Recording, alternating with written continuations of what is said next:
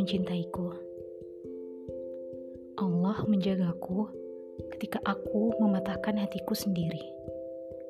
Allah memelukku ketika aku menjatuhkan diriku pada kemaksiatan. Allah menaungiku ketika dunia melempariku dengan kesakitan. Allah bersamaku ketika semua manusia meninggalkanku. Allah tersenyum dan menepuk pundakku ketika manusia mencibir ketaatanku. Jika kini aku begitu mencintai Allah, ku harap aku bisa memberikan hatiku padamu, agar engkau bisa merasakan ketenangan yang kini aku rasakan.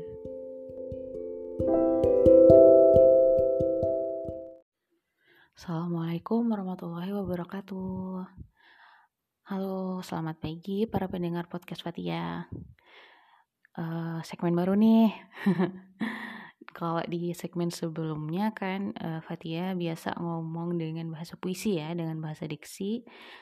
Nah, di segmen ini khusus Fatia ingin ngebahas isu-isu terkini yang lagi marak nih dibahas di kalangan wanita Indonesia terutama ya bisa worldwide sih cuman untuk saat ini di episode pertama ini Fatia mau ngebahas lebih khususnya untuk wanita-wanita Indonesia nah isu yang pingin Fatia bahas di sini pertama adalah soal uh, kekerasan dalam rumah tangga atau bisa juga masuk ke topik seksual harassment, abusive, dan semacamnya ya.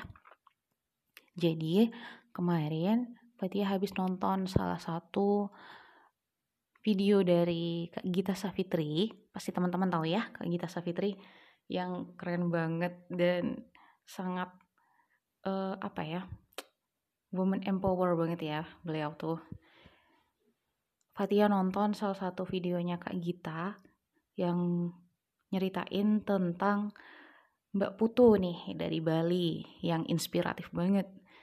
Jadi ceritanya kalau buat teman-teman yang belum tahu, Mbak Putu ini adalah seorang wanita dari Bali yang merupakan penyintas kekerasan rumah tangga.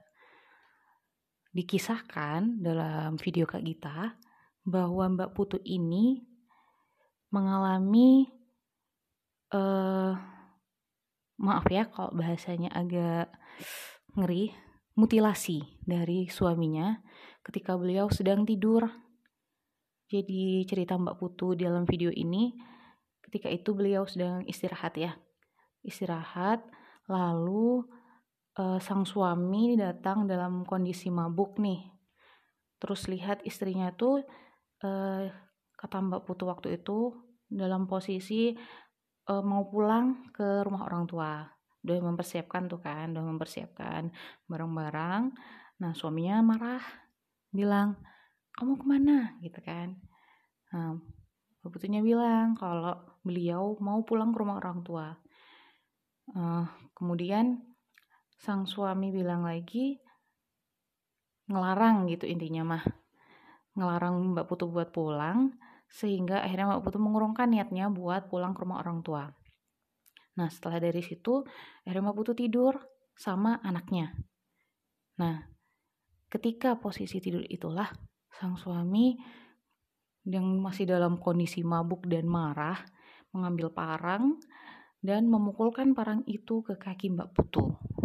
Sampai akhirnya singkat cerita Mbak Putu yang kesakitan dan tidak berusaha mencari pertolongan tuh tidak bisa berdiri akhirnya kaki sebelah kanannya kalau nggak salah ya itu uh, terlempar karena dipukul oleh parang oleh suaminya. Nah dari situ uh, pasti ya mengalami trauma itu udah hal yang kayak berkaitan gitu. Ketika mengalami kekerasan pasti akan ada trauma di sisinya. Di situ uh, Fatia ngelihat akar mencari tahu apa akar permasalahan dari isu-isu semacam ini. Jadi kalau boleh dibilang ya sebagai seorang muslimah, Fatia bukan uh, aktivis kewanitaan ya, bukan aktivis yang seperti Kak Gita, Kak Kalis Mardiasi.